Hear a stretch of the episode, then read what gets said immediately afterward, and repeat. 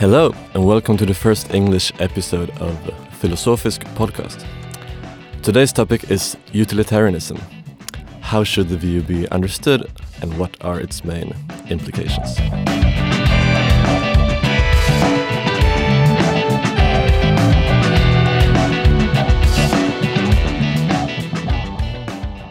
Our guests today are two well known utilitarians. It's Peter Singer, professor at Princeton University, and Torbjörn Tännsjö, professor at Stockholm University. My name is Neil Sylvan, and I will be hosting the episode together with Ole Risberg. Our first question is for you, Peter. Um, I was wondering if you could um, tell us what you take the basics of utilitarianism to be. How do you understand the view? I understand utilitarianism as one form of consequentialist ethics. Consequentialist ethics means that whether an action is right or wrong depends on its consequences. And that's a family of theories where you may have different views about what are the valuable consequences. You might think, for example, that there's a whole lot of different things that are intrinsically valuable, including things like freedom, justice, knowledge, as well as happiness or well being, avoidance of pain. Utilitarianism is the view that the intrinsic good is about well being, um, about what is in the interests of those beings who are affected by your actions. Uh, and the classical version of utilitarianism, the version that Bentham and John Stuart Mill and Henry Sidgwick held, is uh, hedonistic utilitarianism, which says by well being we understand the maximization of uh, pleasure or happiness, desirable states of consciousness, uh, and the minimization of pain and suffering. Do you agree with that I agree with that Yes. roughly. I mean, it might be a bit misleading to say that it all comes down to the consequences because it's not only the consequences. We have to compare the consequences with what would have happened had we acted differently. So, so one way of putting it is that an action is right uh, if there is no one, no, nothing else I could have done in a situation that would have produced a better outcome, a larger sum total Mm. of happiness or whatever it is we want to maximize in the world. Mm. Uh, and that, of course, is a, a kind of a weak spot also in this theory that it relies on, on such uh, difficult notions as what would have happened Mm. had I acted differently. Mm.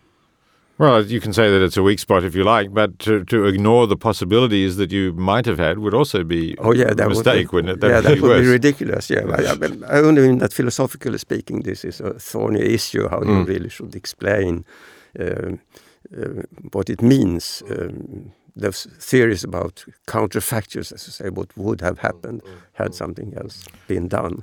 The, the other thing that I might add to what I said is that for utilitarians, we consider the consequences for all those affected. Uh, so, for all sentient beings, all beings who are capable of experiencing pleasure or pain. Um, there could also be, for example, hedonistic egoism, which is also a form of consequentialism, which says the consequences we're concerned with are uh, our own interests. Mm. Um, and that's emphatically not the utilitarian view.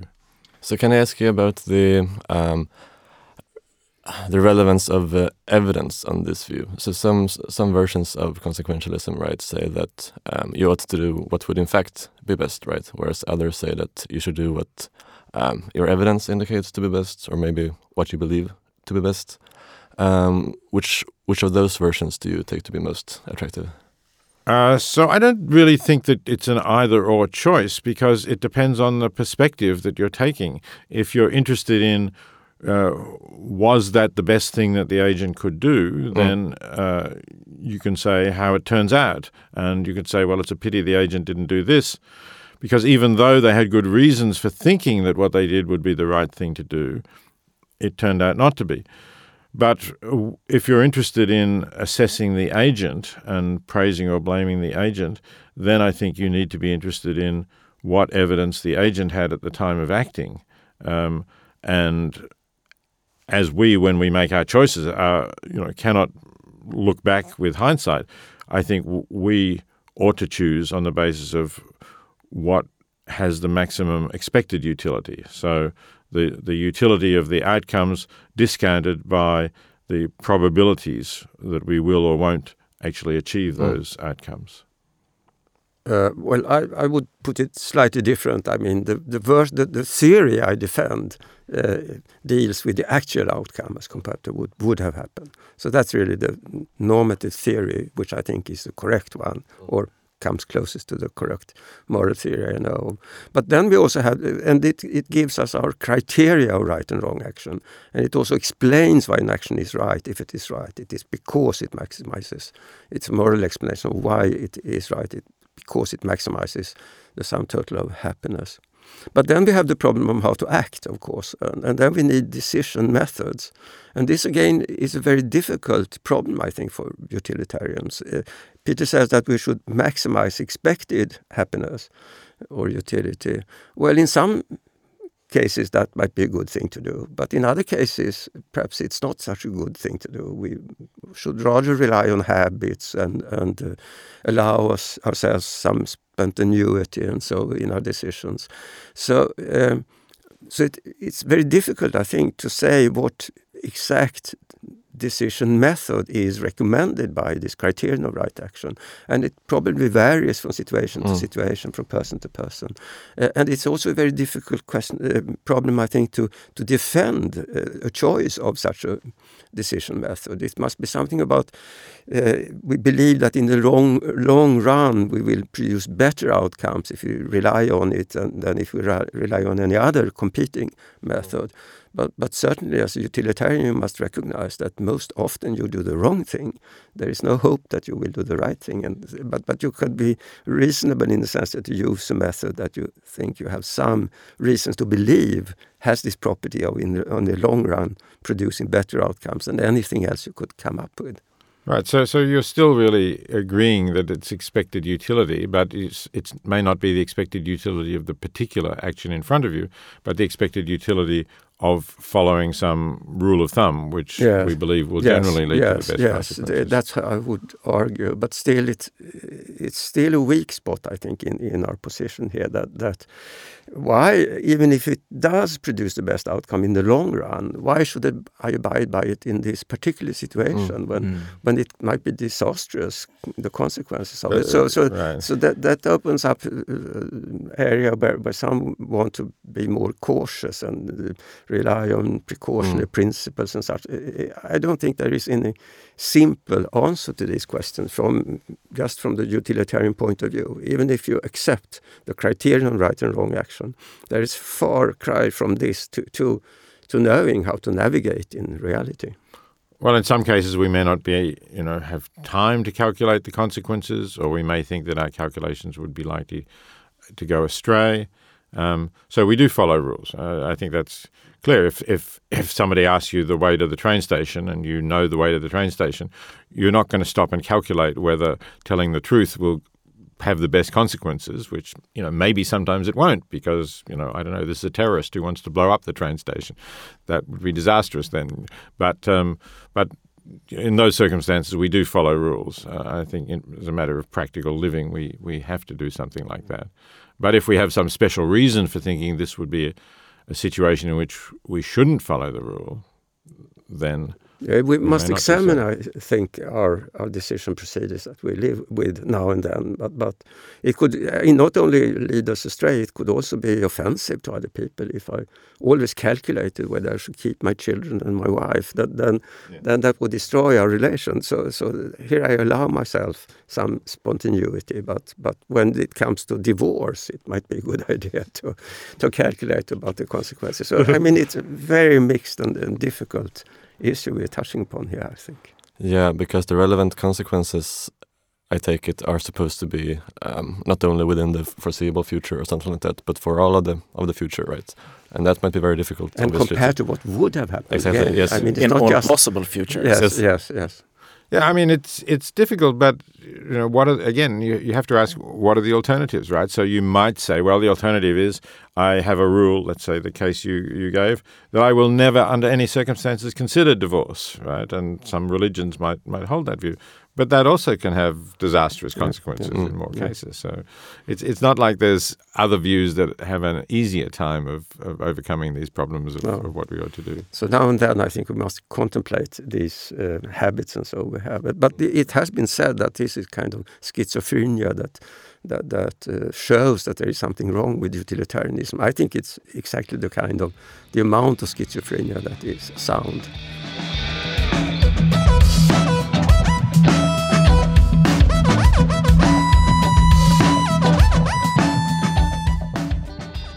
Was wondering uh, about other criteria of rightness, the criteria of rightness of other theories, the main rivals of utilitarianism. And I was wondering whether you could say something about um, what the main competitors of utilitarianism is. Maybe Torbjörn, you could say something about that? I mean, those are all the well-known theories in, in the textbook in normative ethics. It's Kantianism, it's moral rights theories, uh, also libertarian form, for example, and and and uh, virtue ethics and egoism, as you said. Some people don't want to think of egoism as an ethical theory, but still it's inconsistent with other ethical theories. I prefer to think of it also as an option here. So we have a wide variety of, of competing theories. So that's one way of asking, answering the question. The other one is which one do I find most troublesome? Mm -hmm. uh, which poses yes. the strongest threat to my utilitarian beliefs? That's another question. Yes, would well, you like to answer that question? Yes. Yeah. okay, it's a bit disappointing, perhaps the answer, because it's so similar to utilitarianism. the, the main rival, I think, it's prioritarianism, uh, where where you give. Uh, you could say that there is a diminishing marginal utility in happiness uh, and the other way around with unhappiness. So so the happier you are, the less weight we should give to, to an increase in your happiness. And the worse off you are in a situation, the more pain you feel, for example, in a situation, the more weight should be given to, to your pain. So you again you maximize something, but you that's it weighs some of, of happiness and unhappiness, where, where the weights are given by by by where you are on this absolute scale between heaven and hell, so to speak. And and that is, I think. Um, that is competitor that I have found most difficulties in defeating.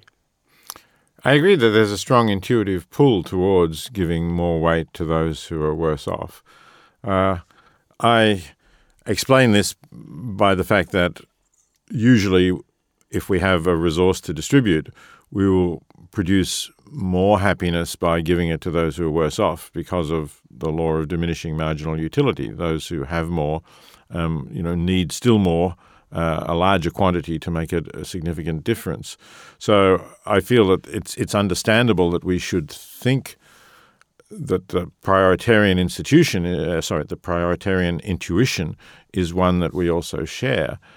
But really, if I think then calmly, look, if if in fact it's not the case in this situation that giving the resources to the worst off will produce more overall utility, but rather that there'll be a bigger gain if I give it to those who are not the worse off.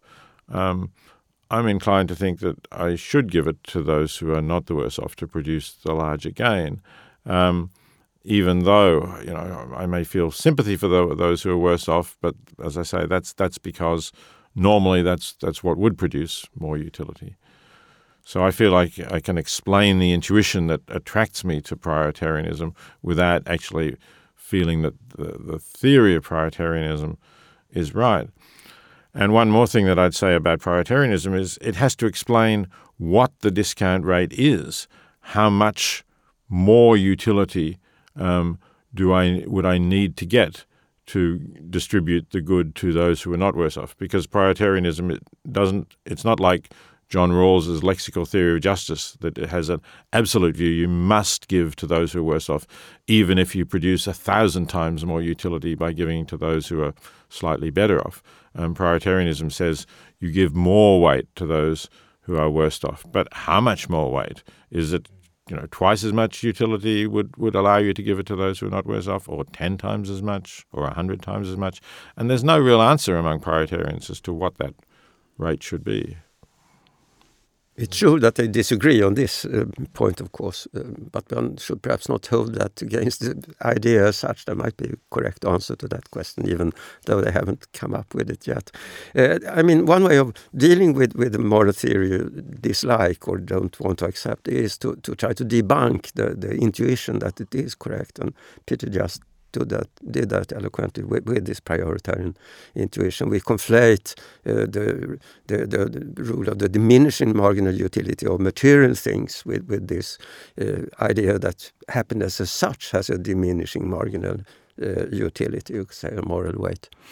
Um, and to some extent, that kind of debunking strategy works also with me. I mean, I have become less uh, inclined to accept this idea. But still, if you present with me an example with a person in terrible pain, you could relieve it considerably, but you could achieve much more, uh, only slightly more uh, happiness by giving more happiness to an extremely happy person already, then I must confess that the intuition stays with me. This doesn't seem the right thing to do. So I, I, I think I need an argument also against prioritarianism. It's hard to tell in that case, though, whether you are achieving more utility because the scales of increasing the happiness of someone who's already happy is not the same as the scale of reducing the pain of somebody who's in extreme pain. I mean, we, we may think about the scales as if the worst pain you can imagine is minus 100, um, and the greatest happiness you can imagine is plus 100,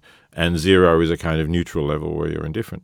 But there's no reason to assume that the scale is like that. Right? It might be that the worst pains we can experience are far worse than the greatest happiness we can experience is, is above this neutral level. Yeah.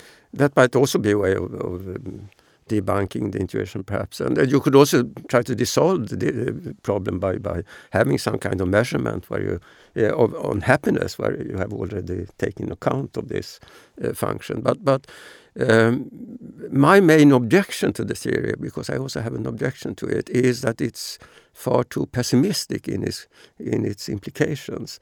Uh, think of a person who lives one year, could be given another additional one year with ups and downs during cures for for a cancer, for example, um, painful, but then moments of happiness and so. And assume that it sums up to a plus, hedonistically speaking. So it's plus 10. It might seem to, uh, from a prudential point of view, we would like to have this um, uh, medical service if there is no competition for it. But when you add um, prioritarian weights, it might be that uh, since the downs weigh heavier than, than the ups, uh, you shouldn't, I mean, this is life not worth living. So in this individual case, I think uh, uh, prioritarianism is too pessimistic in a sense. And then think of it globally. Uh, is it wor worthwhile that the human species survives or not. It depends, of course, whether there is a net surplus of happiness.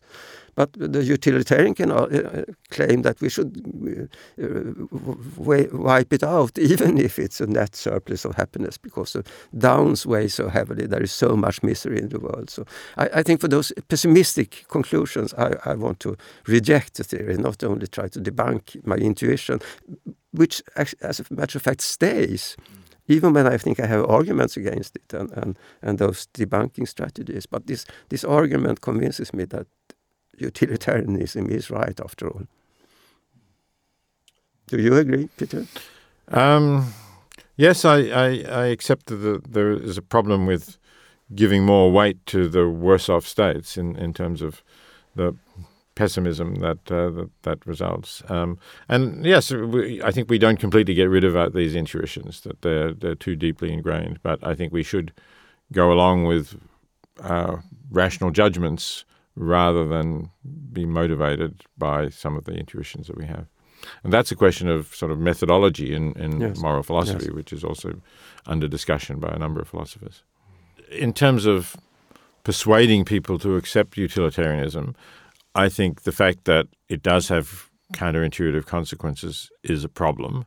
Uh, for example, it, people will say, well, at least in theory, in hypothetical cases, utilitarianism could justify torturing a child. This is Dostoevsky's example in the Brothers Karamazov. You know that if you could produce peace on earth forever, but first you have to torture this child in front of you.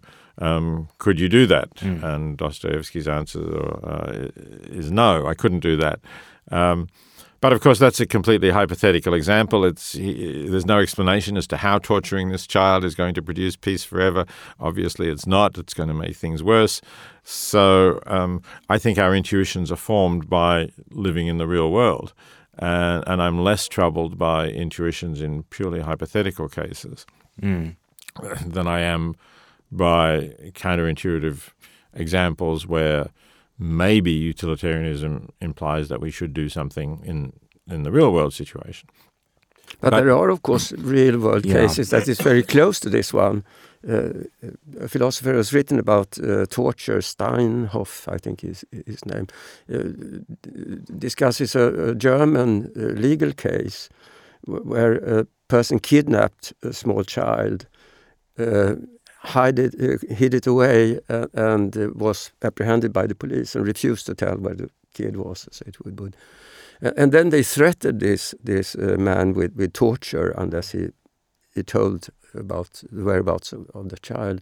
Uh, and then he, he told them so they could save the child. But just think of, of, a variation of it, which is hypothetical but, but quite plausible, I think. You don't have this perpetrator, but you have his child uh, and the other child, and you could communicate, for example, through Zoom or so with, with this perpetrator, and, and, and you threaten to, to, to torture his innocent child unless he lets this other child go. Um, I mean, that's a rather realistic, uh, could, could actually happen. Uh, it's close to what has happened.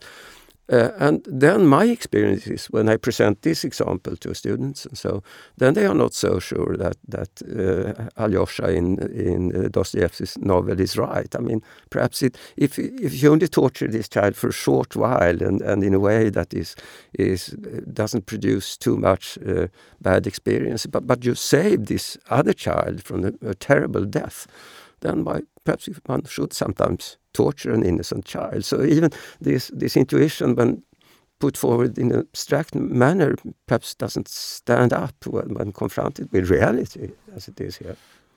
Yes, although actually, I think in the actual case, um, they did not save the child. The child was already dead when that, when they found it. Okay, my that, understanding. Yeah, you, so, so, destroyed. So, so, you, so well, I'm sorry, but it just shows that in the real world, you can't be sure that by torturing the oh yeah the, the that's true. perpetrator's that's true. child, yeah, you will save another child, yeah, and yeah. it may be that you tortured that child for no reason to save anybody. And I think I think it's good. Maybe, and this is another case that we talked about rules in general. Um, it might be another case where it's it's good to have a rule that says torture is absolutely forbidden. Because if you don't have that, you will get people in power, whether they're police or whether they're like the U.S. Uh, soldiers in uh, Abu Ghraib in in uh, Iraq who tortured prisoners for you know, no good reasons. Um, you will get them, uh, uh, you know, carrying out torture, um, and it won't be justified. And I think it's better to say you must never torture and if somebody is in a real situation where torture is the only way to prevent some disastrous consequence, they know that they are breaking the rule and they know that they will be liable for the consequences and that they may be punished for it. Um, but you know, perhaps in their judgment, the emergency is so great that it overrides that risk. Okay, then then we might think that they did the right thing in breaking the rule. So that is an example, I would say, of a blameful right making. I mean, we should blame them even though they did the right thing, because it's a good idea from a utilitarian perspective to have this absolute prohibition. But it, even so, it might be cases where, where it is right to break this rule. But, but then, of course, it might still be right to punish the person who does the right thing. To maintain the rule, yes, yes. I, I, agree. I accept that.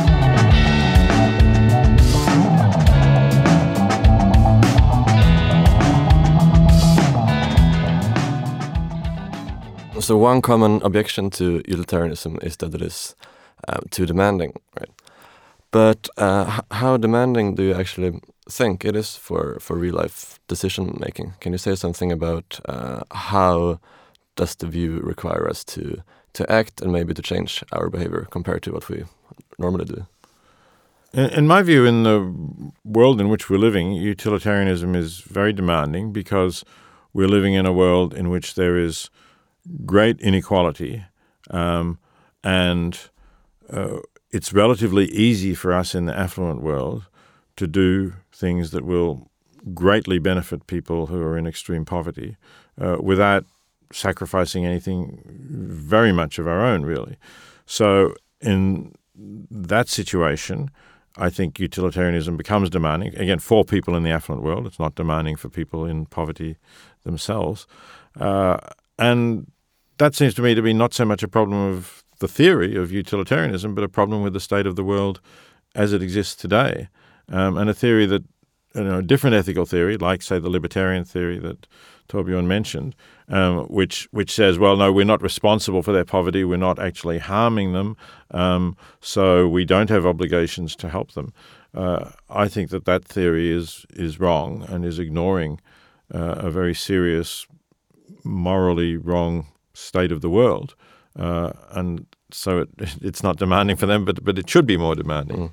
But then again, this has been used as an argument, of course, against utilitarianism and most famously, I think, by John Mackie, who claimed that the moral theory that people will not abide by, live up to what it requires, can't be a correct moral theory, uh, to put it uh, bluntly.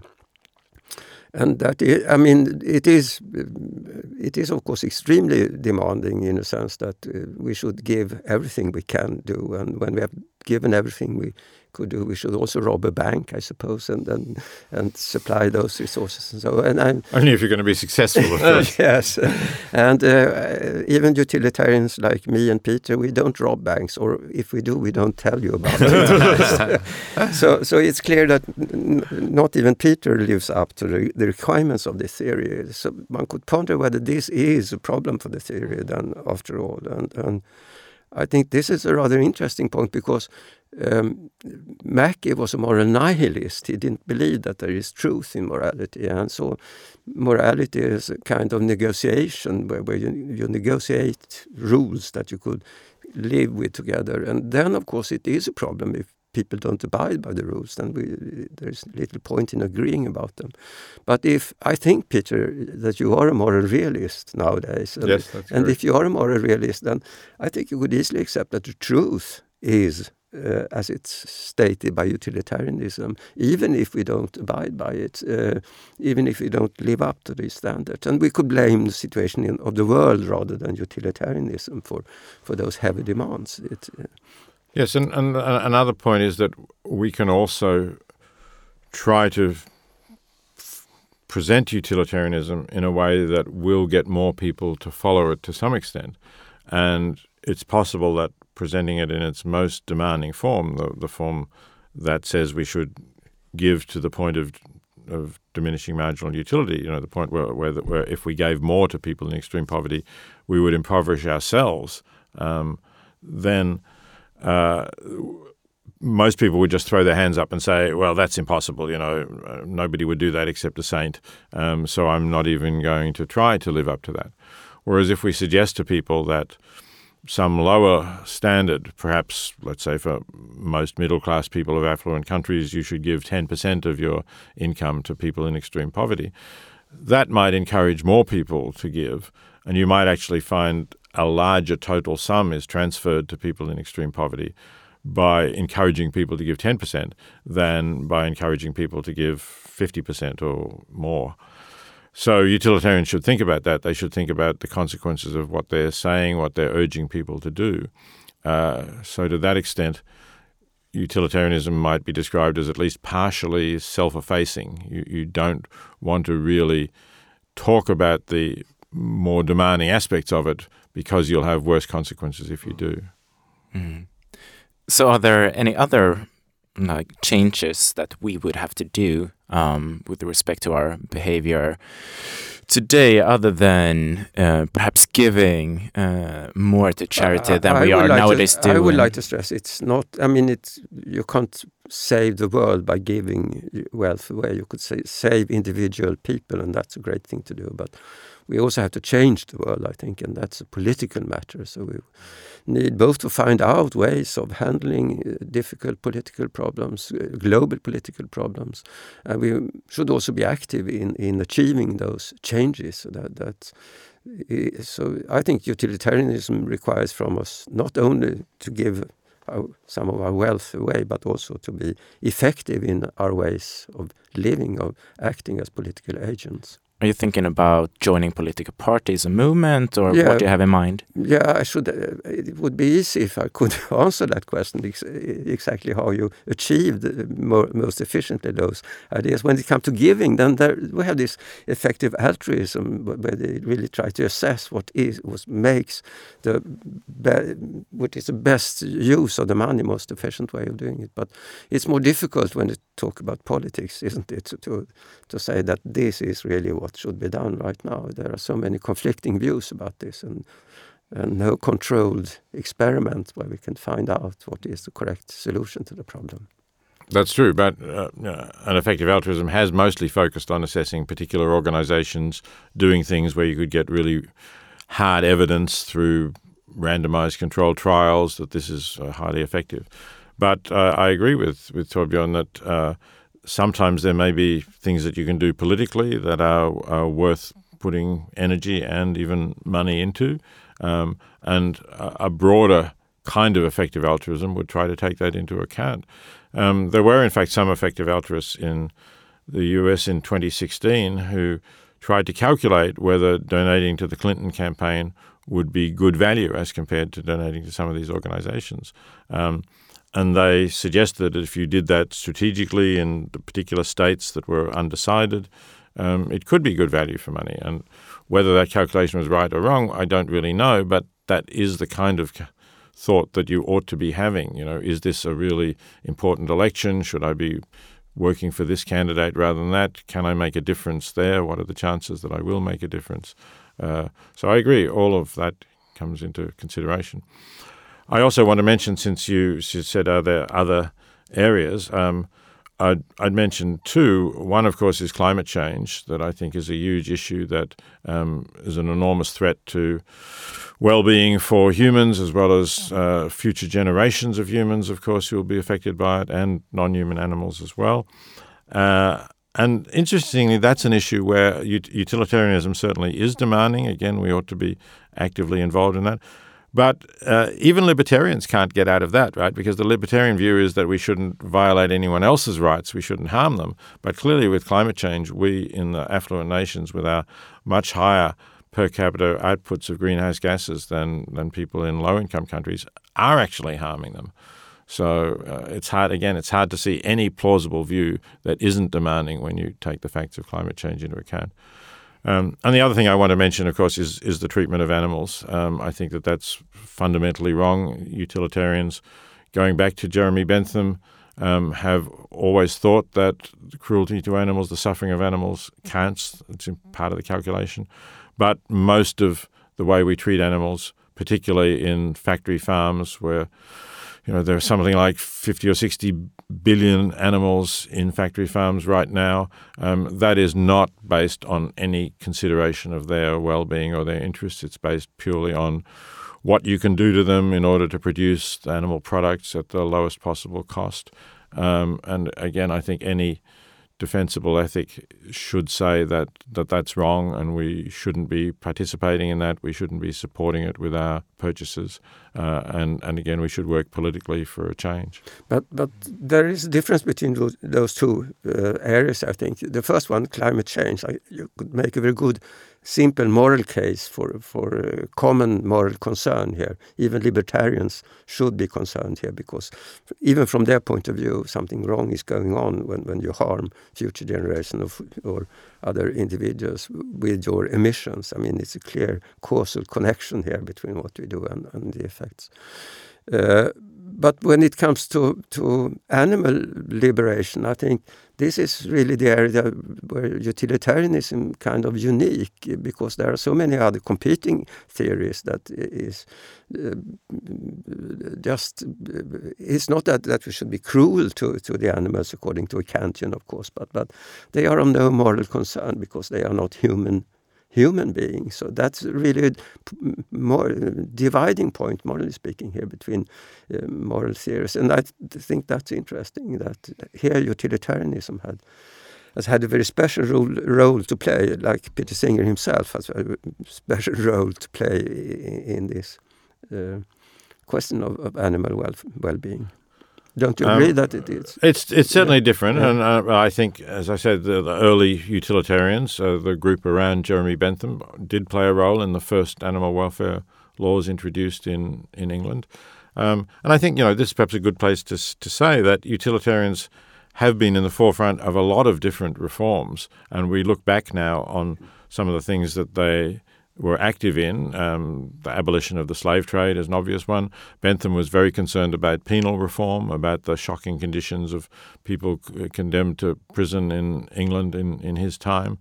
Uh, he also wrote uh, uh, about homosexuality, um, although he didn't dare to publish those writings at the time, but we have his manuscripts um, where he said, you know, why why does the criminal law punish people because they have different sexual preferences than most people do? Uh, he was very enlightened on that, and of course both Bentham and Mill and Sidgwick were concerned to advance the rights of women. Um, Mill made the first speech in, uh, in, in Parliament when he uh, on this issue when he moved an amendment to an extension of voting rights um, and suggested that instead of the word men in the legislation, the word people should be changed. Uh, and that was the first time the idea of votes for women was debated in the English Parliament. The motion lost, as Mill knew it would, but um, it still started uh, a movement. Uh, and uh, and Sidgwick um, started, who was a professor at Cambridge University, started the first way of allowing women to attend lectures at Cambridge University, although they could not qualify for degrees, um, but they could still be educated through the university system. So again, um, I think utilitarians have been in the forefront of, of a lot of reform movements that we now take for granted, but that other more traditional moral views did not support at the time. But was that um, because of a contingent fact about history, or what, was it due to their moral theories that they did not support the, the cause at the time? I think it's due, it's due to oh the the other theories. I think often yeah. it, it was their their theories. You know that, for example, if you have a natural law theory, which was a sort of prominent moral theory, then you would say that uh, sex between people of the same sex is unnatural um, and therefore wrong. Or you might say, of course, that, that God forbade it, um, and that would be another reason. You know, He destroyed Sodom and Gomorrah for this. So, you know, religious various religious views would say that this was wrong. Um, in terms of animals, uh, so you mentioned Kant before, um, uh, but, but, you know, Kant said that uh, we have no duties towards animals because they are not self-conscious um, beings. You know, they are they are just means to the ends of humans who are self-conscious. Um, one of the best modern Kantian ethicists, Christine Korsgaard at Harvard, actually disagrees with this. Although she's a Kantian, she thinks Kant made a clear error there in confusing the idea of what it takes to be a moral agent, which does require some self consciousness, with what it takes to be a subject of moral concern, um, which is simply having interests or being conscious. Uh, so, you know, that's good, but, but Kant clearly got that uh, wrong, as I say, and no doubt because he was more traditionally minded and didn't want to upset the way we think about animals also sexual morality and so of course but that is perhaps due to the time where he lived and so but yeah, but uh, anyway he held that masturbation for example is i think doesn't he say that this is even worse than murder or something like that okay. because it of this idea of dignity that yeah. that uh, it's using yourself as a means yeah, I think really like as a means yeah so, so but but uh, i mean that's an interesting question i think now that we should distinguish because we tend perhaps to be too critical, too harsh with with, with uh, uh, these old philosophers. At least we could say that David Hume, for example, was a great philosopher and had a lot of good ideas and so. But he was also implicated in the slave trade and so. And um, well, that is, I mean, everyone discusses this problem today, how we should handle that kind of historical fact.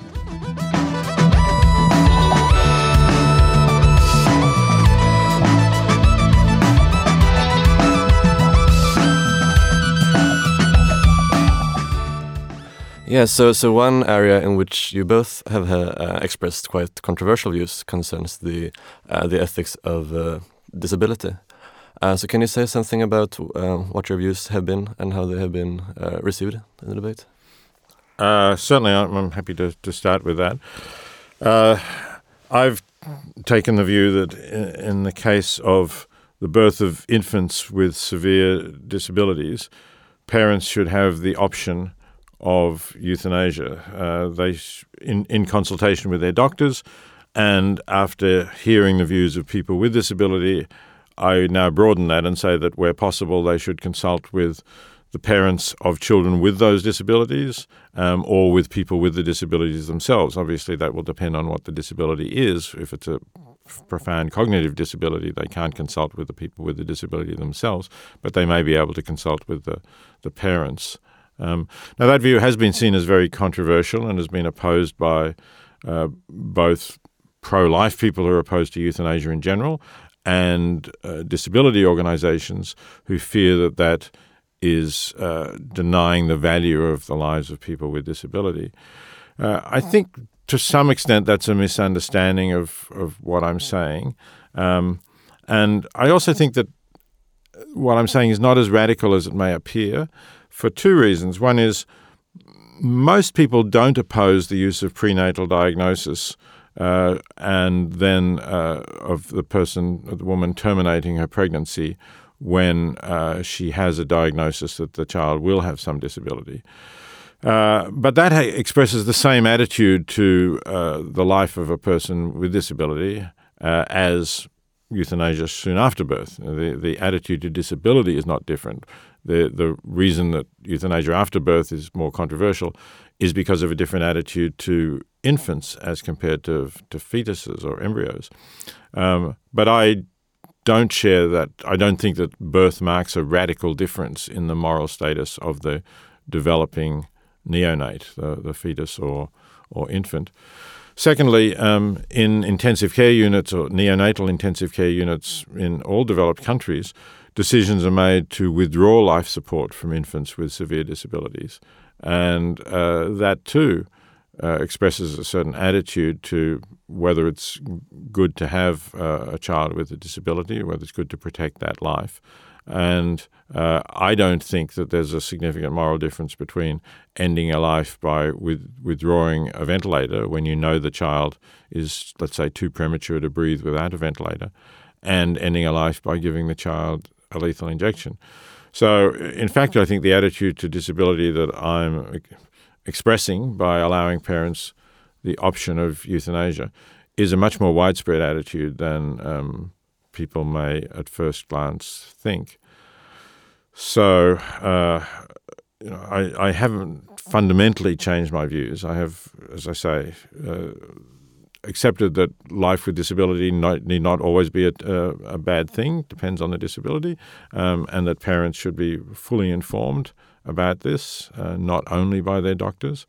But um, I still think that they should have that option, um, at hmm. least in severe cases. And what's your main justification for, for that view? Well, the justification is, is similar to that of allowing uh, uh, women to terminate a pregnancy. That um, in general, it's better not to have a disability. Uh, so that's really the, the nub of the philosophical argument. Um, there's an article by uh, uh, Elizabeth Barnes, an American philosopher, which claims that disability should not be regarded as a, a bad difference, but as a mere difference. She compares it, for example, with a difference in sexual orientation. Um, so uh, I don't quite agree with that. Um, you know, there may be some disabilities which you could say that, but she includes in her list things like being blind or deaf, for example.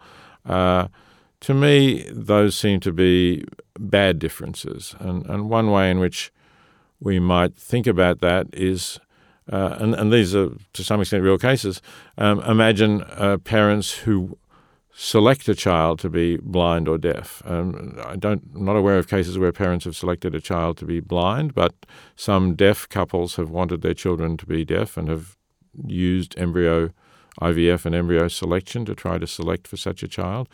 Um, I think that that's wrong. I think that such a child has fewer options than children who are able to hear or see and that uh, that that's a, a, a, bad difference that the parents should not be uh, undertaking. So that's that's ultimately the reason for my view. Well, I think what has been, I haven't uh, argued in the defense of euthanasia with neonates, but I've argued that you should be allowed, the parents should be allowed to decide about whether treatment should go on or not, not the doctors. They should not be forced to live with with a child they are not prepared to to, mm. to take care of. Uh, so, but but that's uh, I haven't been accused of this. That's a marginal point of my uh, fame uh, in this area. It's rather that I have defended um, a free right to, to prenatal diagnosis and abortion. So I have said that parents should be allowed to select also uh, the sex of the child, the sexual orientation of the child, even the deaf child, if they see fit. There, there should be no legal restriction against this because I, I think it, there, there, are good reasons to keep us, uh, to protect our, our pro, uh, procreative freedom in this sense. So that's one thing, how the law should be. But then the other question is whether it is a good thing to make these um, options or not. And, and then, then I have often been misunderstood, I think, because most abortions after prenatal diagnosis are directed against uh, children with Down syndrome.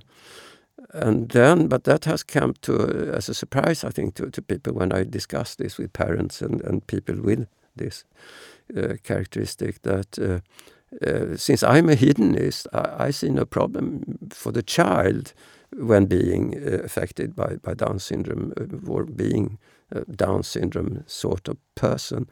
You could live as good li- uh, a life that is as good as mine. There may be medical complications and so, but but the the the, the mental disability here is not really something that should bother an hedonist. And, and then I found to my surprise that some of the parents are, are less prone to accept this. They, they have to to pretend that the child, the person, can do sort of things they can't do because they are they want a dignified life for this person. I want a happy life, so I, am more relaxed with regard to that. Mm but then on the other hand, I, I, I and, and, here I argued wrongly. I re realized I, I, said that sometimes you could have an abortion uh, because even if the life of the child is fine, but it's not fine in us, it's not good enough. And I taken as an example a person who lives only half a life uh, uh, as compared to have a ch child with, with a full life expectancy, some 80 years rather than mm. 35 or 40. But then I was attacked by a person with, with uh, how do you say it in, in English? Duchenne muscle Duchenne dys muscular, muscular dystrophy. Mm. Uh, he, he was in a wheelchair. He, he was a philosopher, he claimed, and he was, in a sense, not a professional sense, but mm. he had thought a lot about this. And he asked me, why why I, shouldn't allow a person with his disease to be born. And I try to say that it's better to have 80 years than to have 40 years. And then he replied, it might be for the individual better, that life goes better. But I'm not an egoist, he said, and you're not an egoist, he told me. I mean, you you care for the sum total of happiness in the universe, so that could be a replacement for me. The crucial thing is that there are happy people around, and if my life is happy, why why why should we bother with whether it takes it goes on for 30 or 40 years rather than 80 years. And I must say, I was convinced by him. I had argued incorrectly here. What, and I'm curious to know what you well, have to I, say about this, uh, Peter. So I would think, both in, the, in this case and in the case of Down syndrome, that the views of the parents are important, and that for parents to have a child with Duchenne muscular dystrophy is much more of a problem than to have a child without that condition. And probably for Downs as well, although with Downs I think there would be more variation. But um, but many parents would want to have a child who will become an independent adult with whom they can you know, have interesting discussions as you have with other adults and who can uh, follow a career. Um, and they would see that also as a disappointment if they have a child who is not going to be able to do that. I agree that the parents should decide, of course. That, that was part of my view that was criticized, that they should be free to make whatever choices they make. But, but And you could also terminate, I mean, you could terminate any pregnancy for whatever reason because you don't have time right now, it doesn't fit into your career and so And I accept all those kinds of, of reasons. It's only that if asked for advice, um, you could give instrumental reasons for having a child who will live 80 years perhaps rather than, than 40 years. But, but, uh, but if if you know that you will live only for 40 years and you plan your life accordingly, it could be a life. And if you also are allowed uh, to have uh, the right to euthanasia, uh, which is of course a difficult issue with the disability movement, but, but many members of this movement uh, would welcome the possibility of euthanasia even for disabled people, then I can't see that I have any good reasons to say that it's the wrong decision to have this child with only 30 years or 40 years of, of good life. I, I, think there is another reason. Uh, interestingly, um, I invited Elizabeth Barnes to speak to my class just uh, a month or so ago. Um, that's class I was teaching at Princeton, um, which she did um, online over Zoom. Uh, and she herself has a, a disability. Um, and she said that one thing that she's changed her views on a little bit since the she, she wrote an article uh, about this that was published in Ethics a few years ago uh, about the mere difference rather than bad difference view, and also a book called The Minority Body. Um, and she says she has somewhat changed her views because of the impact on resources. She says there's there's a difference between she now realizes between say a mere difference like sexual orientation and a difference like her own disability, and this would certainly apply to Duchenne muscular dystrophy, and that is that those use quite a lot of community resources. So whereas you know if everybody became uh, same-sex preference, well, I guess there'd be an issue about how the species would continue, but uh, we could imagine ways around that. Um, but you know, life life could go on, society could go on with that. If everybody had um, the disability that Elizabeth Barnes has or that uh, Duchenne muscular dystrophy, you wouldn't have enough people providing the resources to then provide the medical treatment for looking after people in these conditions. They are quite demanding of resources. That sounds like Kantianism, I think, this argument. Why? Why isn't it utilitarian to say we want we want to get the we we, we want? Well, I mean, oh, what, what, what, would happen, if everyone what would happen if everyone? Yeah, I see. Right. it's unlikely that everyone will do that. It's true, but it still shows that that we are using resources that could be used in yeah, other ways. Yeah, yeah, that's true. But but uh, to constrain our individual medical decisions with that kind of argument, I think is problematic. You should be rationing uh, resources at another level, perhaps in society.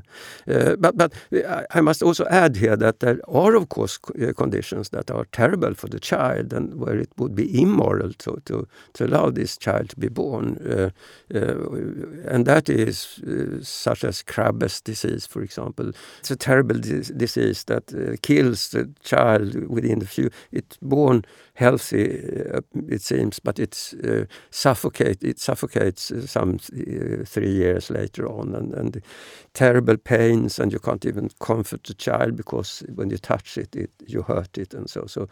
So you just wait for it to die, and so if you have that kind of, of conditions, then I think it's obvious that, that one should both uh, allow it to, to die in the neonate uh, right. ward or prevent that that use. I think we call this the technical name is epidermolysis bullosa. I think for what you're talking about. So if you touch the skin, it, it breaks and it No, causes no, no, it's another disease. But but Oh, okay.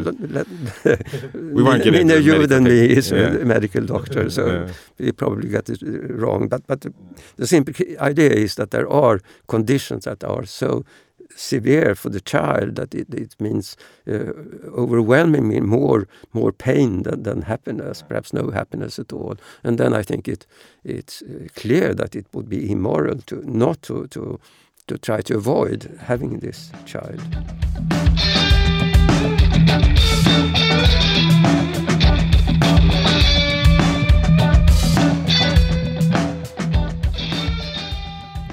Right, so we are um, reaching the end of the episode, and as usual, we uh, ask our guests for some uh, philosophical recommendations, something of a philosophical nature that they would like to uh, recommend to the listeners. So, Torbjörn, would you mind going first?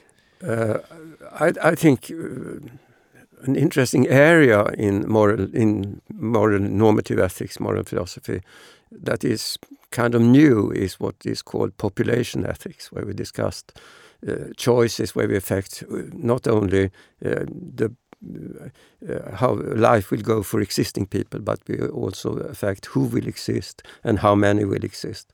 That that's an area that Derek Parfit, an Oxford philosopher, um, opened up uh, a few decades ago, and and I would recommend an entry in in Stanford Encyclopedia of Philosophy. I would recommend the Stanford Encyclopedia because it's such a good source for anyone interested in philosophy. And one entry in particular, I, I am partly author of it, which might be a bit embarrassing here, but I'm not the main author of it. It's Gustav Arrhenius. But, and it deals with what has been called the, the repugnant conclusion, uh, the argument against utilitarianism, that it, it favors, um, you could say, quantity over quality of life. Uh, that's a really interesting problem to dig deep into if you want to go somewhat further into this topic. Okay, thank you. Peter?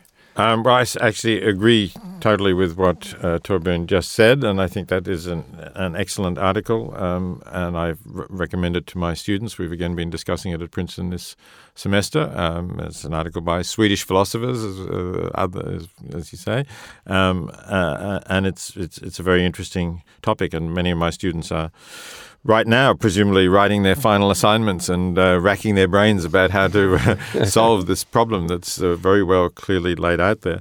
Uh, of course, I'm I'm interested in issues about uh, the, the moral status of animals, and I think that there are still many questions that need to be discussed there. So.